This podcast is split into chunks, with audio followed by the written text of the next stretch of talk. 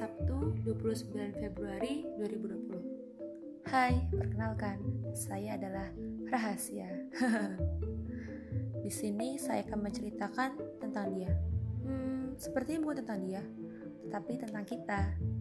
Dari awal bertemu, awal melirik, awal percakapan, sampai nanti di akhir cerita kita.